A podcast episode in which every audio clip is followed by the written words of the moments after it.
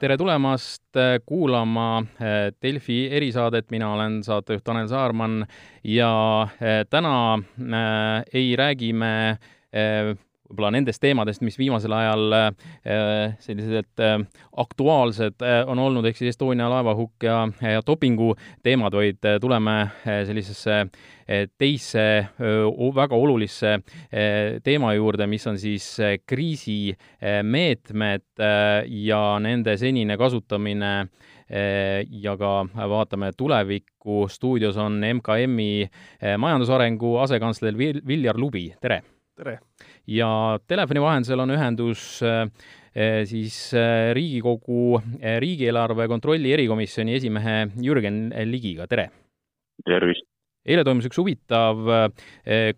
selline mm, komisjoni siis istung, kus oli juttu taas siis kriisimeetmete kasutamisest. kuulasin seda ise ka isegi üks äh, minister oli äh, kohal kolmest, anti siis esmalt ülevaade majanduse üldisest seisust ja, ja noh, lihtsalt lühikokkuvõte võiks olla selline, et võrreldes kevadise lisaeelarve kokkupanemisega on olukord oluliselt parem ja, ja selline pilt on, on positiivsem. meil on omistatud siis seda seisukohta, et et tuleb kärpida. lükkan selle kategooriliselt ümber, see kriis on väga teistmoodi, kui oli masu. majandus ei ole olnud õhku täis ja teda ei ole pidanud jahutama ka riigi äh, siis äh, äh, kulutused tegelikult ei ole noh, selles mõttes nagu sellest mullist mõjutatud. küll aga riigi kulutused on olnud mitu aastat, nagu ka täna Eesti Pank üle kinnitab äh, ülemäärased, ei ole vastavuses majandusseisuga. nii et, nii et foon on see, et tegelikult riigieelarve seis on palju halvem, kui majandus äh,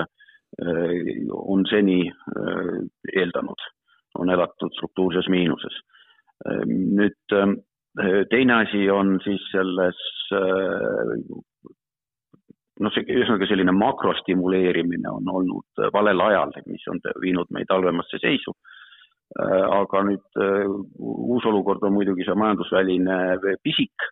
ja, ja mis me sel ajal peaksime tegema. on olnud jälle väga suur konsensus, mitte erimeelsus äh, selles, et, et siis palgatoetused, haiguspäevade hüvitamine, vältimaks siis haigena tööl käimist ja aga need on asjad, mis läbi on, see maksu, see magusam, äh, universaalsem ja lihtsam osa meetmetest äh, on lõppenud. Ja sellel on olnud äh, kindlasti majandusele ja meeleoludele nagu leevendav mõju, aga, aga see on läbi järgmine, milles me ka kevadel olime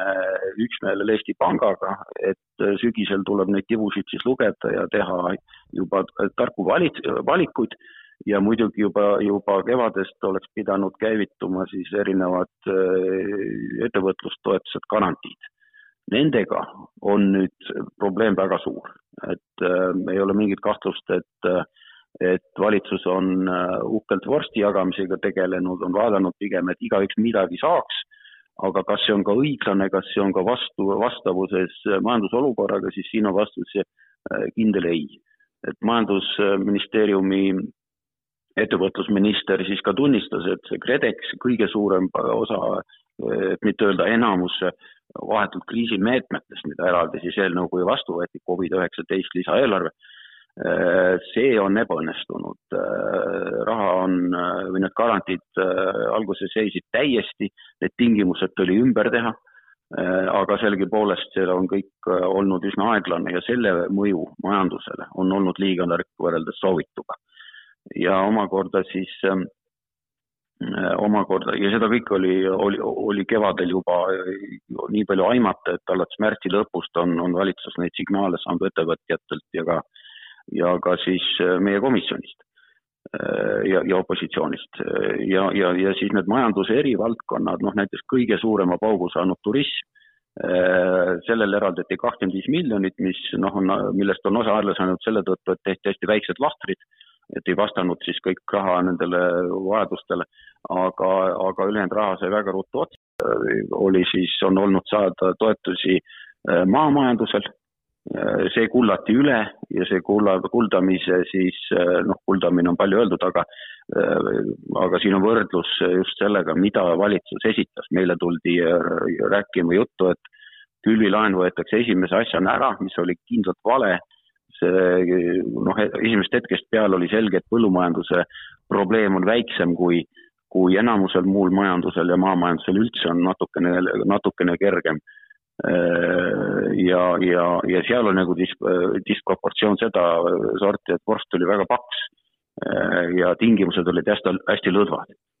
mida me oleme tahtnud valitsuselt kuulda, on just nende meetmete omavaheline võrdlus, proportsionaalsus ja adekvaatsus probleemile, probleemiga võrreldes ja siin võib öelda, et MKM-i tingimused olid sellised äh, noh, põhiosas äh, liiga karmid ja, ja Maaelu Sihtasutuse tingimused jällegi liiga lodevad, eriti võrreldes majanduse äh, probleemi olemusega. no Viljar Lubi, mida, mida kostate, KredEx ja siis EAS just nimelt teie haldusalasse kuuluvad, et mida, mida ütlete? ütleme nii, et ma ei ole, ütleme siis kõigega nõus, mis Jürgen Ligi ütles, aga, aga suures plaanis see, et meil oli kriis ja me pidime kiirelt tegutsema ja seal eh, väga suur osa majandusest sai pihta ja, ja, ja mõni sektor sai valusamalt pihta kui teine, sellega loomulikult ma olen väga nõus. millega ma nõus ei ole, võib-olla on jah see, mis puudutab KredExit, kas KredEx oli eh, liiga aeglane või kas seal tingimused on liiga karmid. Miks ka, et, et kevadel, kui kriisimeetmetega välja tuldi, ega kellelgi täpselt arusaama ei olnud, kui pikaks see kriis kujuneb, just see, see viiruslik kriis. ja, ja siis oli ootus ja lootus, et tegemist on lihtsalt lühiajalise turušokiga, kus kogu majandus nii piltlikult öeldes on kinni keeratud ja siis sellisel tingimustel, kui käivet ei ole, siis eh, klassikaliselt tekib, võib ettevõtetel tekkida likviidsusprobleemid, lihtsalt pole käibevara, mida oma jooksvateks, jooksvate kulude katteks eh, kasutada. Eh, see päris nii välja ku-, kukkunud, põhjuseid on ka siin mitmeid, esiteks tegelikult ettevõtetel oli rohkem raha käes, kui, kui me kartsime, tegelikult väga paljud ettevõtted said, said iseseisvalt hakkama enda, enda kohustuse katmisega, võrreldes masuga on ka pangad oluliselt rohkem eh, kapitaliseeritud, nii et pankadel rahaprobleemi ei olnud, kui eelmisel kriisi ajal pangad lihtsalt kukkusid põhimõtteliselt ära, nad tõmbasid ennast niivõrd koomale ja see võimendas seda kriisi siis täna, tänases kriisis on hoopis vastupidi, et pangad tegelikult ise tulid vastu, äh, pakkusid maksupuhkusid, äh, puh-, puhkusi, nii et selles mõttes see äh, riigi roll pidi olemagi seal tugi taga, et, et siis, kui mingil põhjusel majandus ise ei toimi, et siis riik on olemas. et see, see, mis on ka, läks kohe käibesse, suur number, üks koma viis miljardit, mis KredEx võiks turule nii-öelda tuua siis selles mõttes see oli lihtsalt sümboolne sõnum, et kui tõesti kõik on väga halvasti, siis riik on seal olemas, meie tegelikult kalkulatsioonid olid väiksemad, nii et suurusjärgus kolmsada, nelisada miljonit eurot, mis selle aasta lõpuks tõenäoliselt ka KredExi kaudu turule tuuakse. nii et selles mõttes see sõnum pidi olema väga tugev, aga õnneks Eesti majanduse seis on, seis on parem kui, kui mujal. ja kui rääkida turismist, siis jah, kakskümmend viis miljonit, arvestades selle sektori suurust, on äärmiselt väike raha ja, ja noh, siin oli ka küsimus selles, et, et äh, nüüd, kui see kriis venib, siis on ka selge, et kaheksat kuni kümmet protsenti Eesti majandusest samasuguses vormis, nagu ta ennem kriisi, me ei suuda pikaajaliselt üleval pidada. et seal mingi kohandumine peab toimuma, et me peame hoidma siis seda osa äh, sektorist niivõrd äh, elus, et kui see sektor, eriti välisturisti puudutab, peaks taastuma, et me suudaks kiiresti selle sektori taastada. aga samamoodi üleval hoida kõike, et lihtsalt ei ole jätkusuutlik kohandumine peab toimuma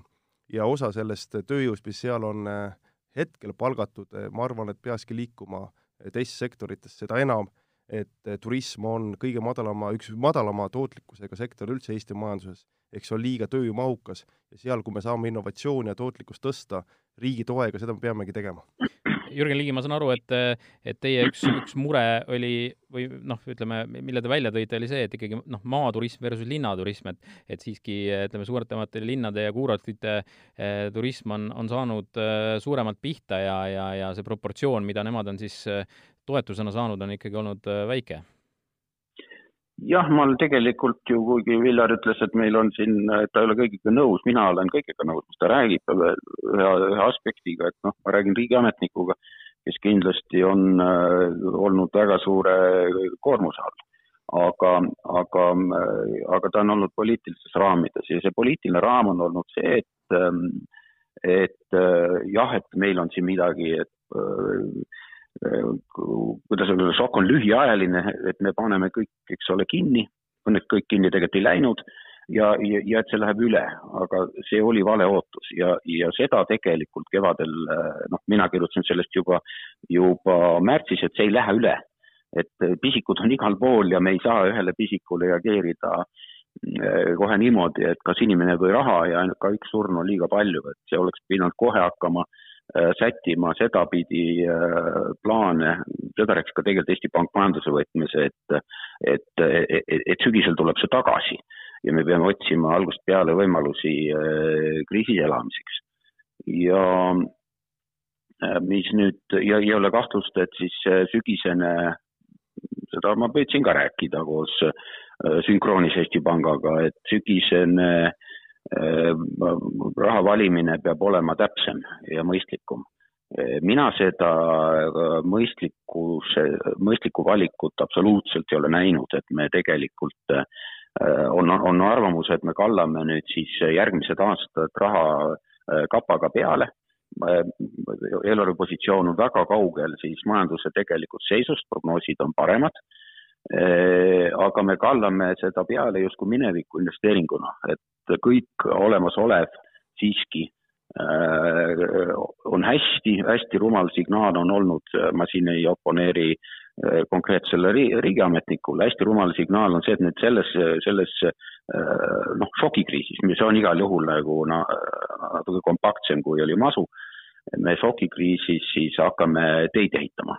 või äh, tegelikult sellise raha peale kallamisega tekivad pudelikaelad. näiteks kui tuleb mõte, et nüüd infrastruktuur on see välja äh, pääsemise koht, siis see on kohe läbikukkumine. infrastruktuuris noh, algab kõik äh,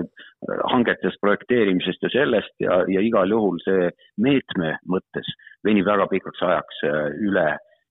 majandustsükli vajaduse mis on täiesti metsa läinud, on see mm, ambitsioon suured laenud kinnitada valitsuse tasemel. mis on sellest saanud?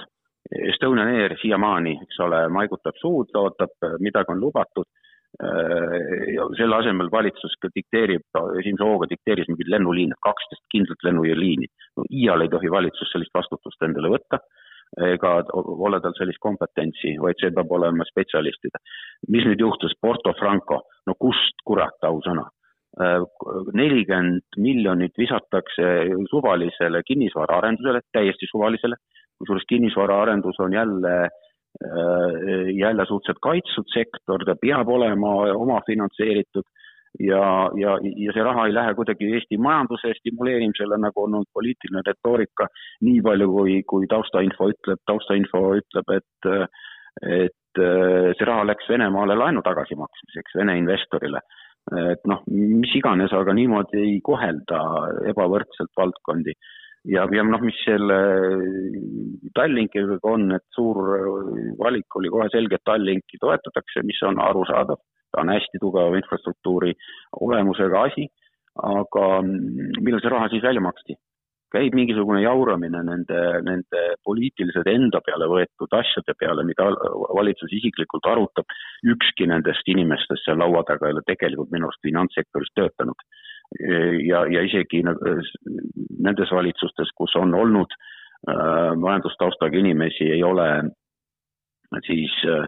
Äh, võetud seda enda peale, et hakata ja nii edasi. me ei ole seda kunagi öelnud, et me,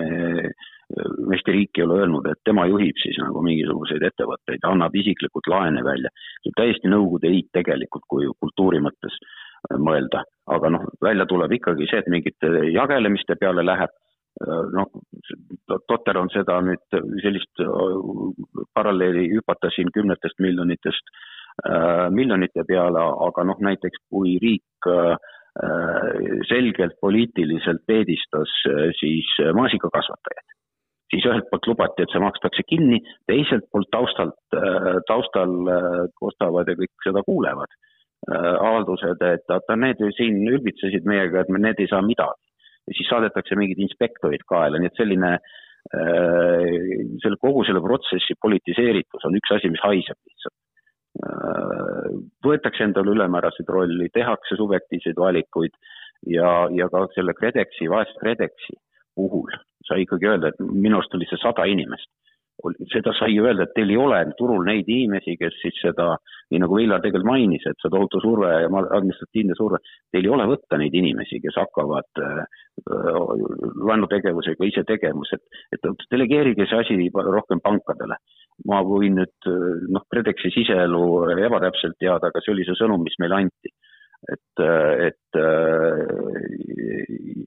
pangad olid väga tublid, aga pangad ju olid need, kes olid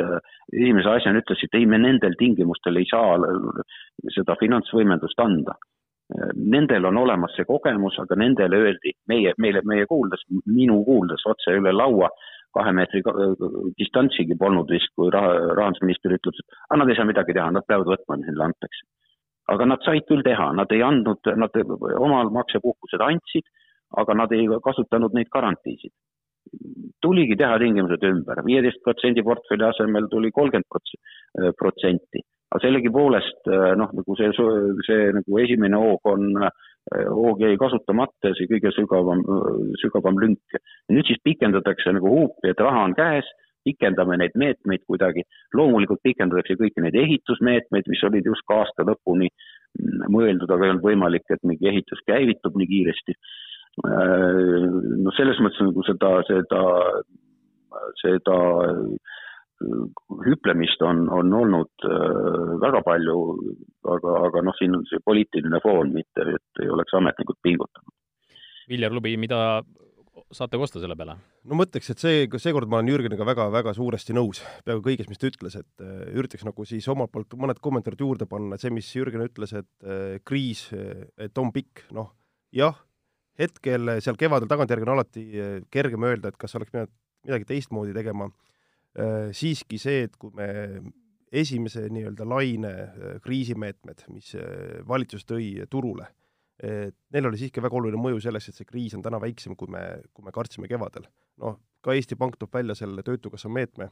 mis esimesed kolm kuud oli mitte diskrimineeriv, nii et põhimõtteliselt kõik ettevõtted said, kellel tõesti käive kukkus oluliselt. Nüüd, siin oli konsensus, siin oli, oli konsensus, konsensus ka poliitiliselt, jah. et see hoidis nagu äh, suuremat äh, kriisi tagasi, nüüd hetkel samasugused üle välja kriisimeetmega Töötukassa puhul või teiste meetmete puhul ei ole mõistlik see peab olema oluliselt sihistatum, me oleme targemad, me näeme, mis sektor saab rohkem pihta. nii et me peame igal juhul olema targemad selles, et kuidas me edaspidi valitsuses sekkume, valitsuse poole pealt sekkume.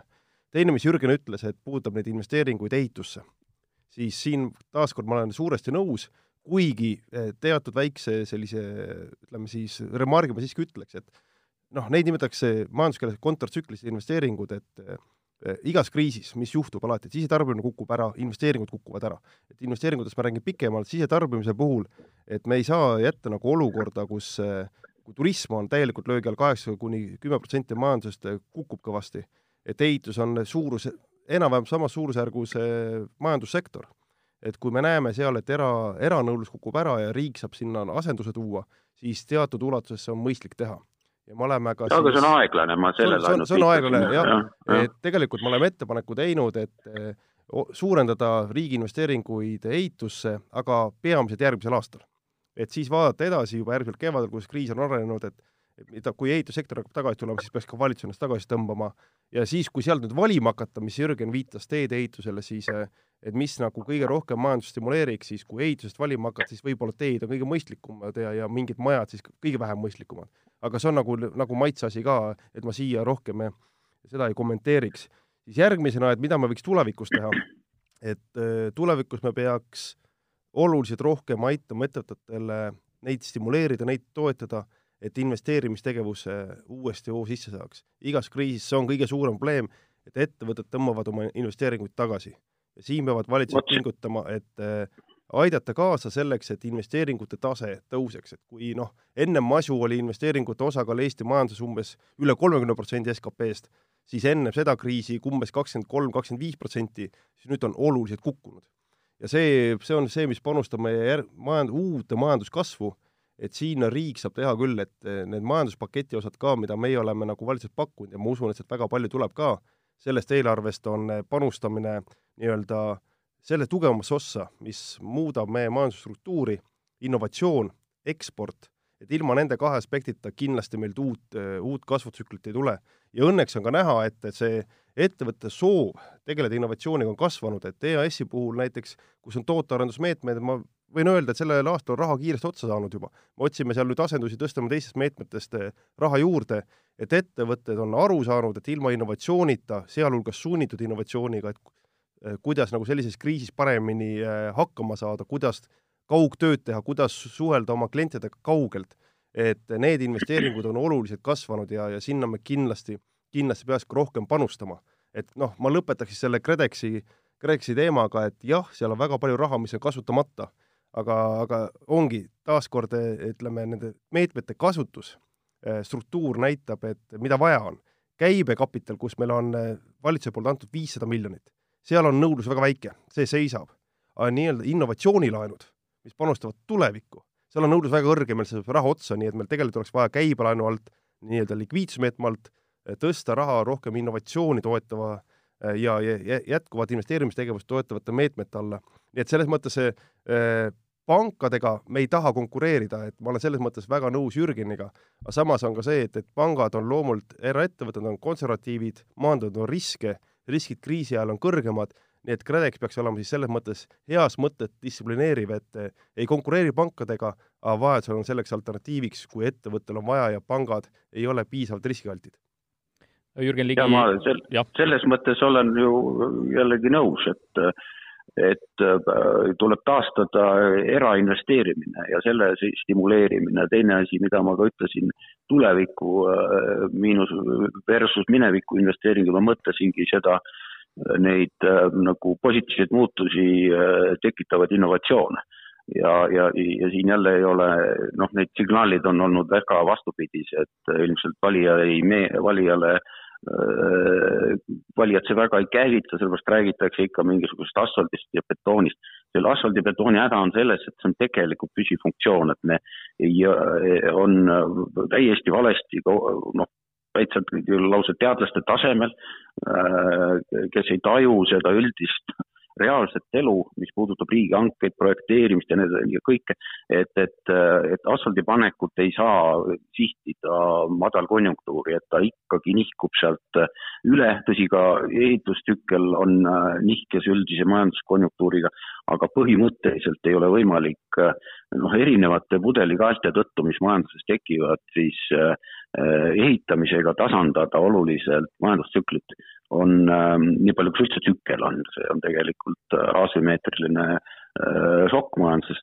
aga noh, ütleme seal tekivad äh, teatud sektorite ülekuumenemist, tekib tööjõudefitsiit, tekib ülemäärane konkurents äh, tööjõu pärast erasektoriga, tekib, rahandusminister meil käis, et ta nagu ei saanud üldse nendest küsimustest aru, et äh, mis saab maavaradega kui me ehitame Rail Balticut äh, ilma mingi analüüsita kõik teed äh, justkui nelja või, või, või kümne aastaga, vot oli ka neljast, eks, äh, kumbagi ei juhtu neljarealiseks. muudkui aga hakkame kallama, mida see tähendab pudelikael, kaeltes projekteerimisel, maavaradele kus me sonkime seda maad, eks ole, kuidas me suudame kõik vaidlused, planeerimised lõpetada, no ei ole, see ei ole otseselt Ähm, need on administratiivsed asjad, mis ja, ja, ja looduse asjad, mis ei, ei kuku sinna ilusti joonistatud mingitele sinusoididele majanduses, et õpikus võib see niimoodi olla, aga reaalses elus äh, ei ole võimalik reageerida pisikule, mis on ikkagi šoki äh,, siis äh, kriis äh, ehitama hakkamisega. aga jah, vastab ka väga tõele see, et, et maailm ei ole endine et mina seda tegelikult olen ka, ka, ka nagu püüdnud äh, varem rääkida, et ega see ei ole juba keskkonna mõttes võimalik, et me kõik järjest rohkem äh, ringi lendame ja, ja soojadel maadel käime, et et teatud eliit seda teeb, aga siin tulevad väga kergesti tagasilöögid ja ega see viirus on ju ka seotud äh, inimese pealetungiga loodusele. et see roheline maailmavaade, et me ei saa lihtsalt laenurahaga kogu aeg lõputult kasvada, asfalteerida, betoneerida vaid, vaid seal tuleb ka struktuurimuutust teha, tuleb teha struktuurimuutust selles suunas, et meil oleks vähem vaja vaja loodusressursse teha, ammendada, meil oleks vähem vaja tööjõudu sisse tuua, et meil oleks targem majandus, et see puudutab ka seda praegust likviidsust. juba likviidsuse ajal vähemalt need sõnumid peaksid olema suunatud. Ja noh, me kuulsin Villari, eks ole, seda innovatsiooni äh, juttu ja see tegelikult on sama, sama jutt, ainult teiste märksõnadega, digitaliseerimine ja ja roheline revolutsioon ja, ja transpordi ja energeetika äh, restruktureerimine, et äh, andke ainult minna, võtke see, võtke see nii retoorikas kui valikutes üle, see mõtteviis. ma tean, et Jürgen Ligi peab minema nüüd ühele komisjoni istungile, et, et laseme ja. tal minna, meie Viljar Lubiga veel natukene jätkame, aitäh, Jürgen Ligi mm! -hmm. olgu, aitäh, nägemist! ja Viljar Lubiga jätkaks siis eh, sellise lõpusõnadega pigem, aga ma tean, et täna on üks selline oluline päev just nimelt selles mõttes, et et me tegelikult praegu siin erisaates ei saagi avada, ütleme seda, millised võiksid olla need järgmised meetmed, mida ettevõtjad kindlasti väga ootavad, aga lihtsalt täna on on päev, mil, mil võidaksegi lukku panna siis nii-öelda valitsuse tasemel, eks ole jaa, et täna, täna peaks olema, järgmise aasta eelarve peaks olema valitsuses ja, ja heakskiidu saama, nii et valitsus saaks selle homme anda Riigikogule üle nii et, et me paraku jah, siin eh, peame tegema, tegema ühe eh, lisasaate eh, sel teemal, kus me siis saame juba rääkida sellest, mis tulemas on, aga ma arvan, et, et siinkohal ongi õige tõmmata ka saatele joon alla. ma tänan Viljar Lubi saates osalemast. tänan ka kuulajaid, erisaade on taas eetris homme. püsige terved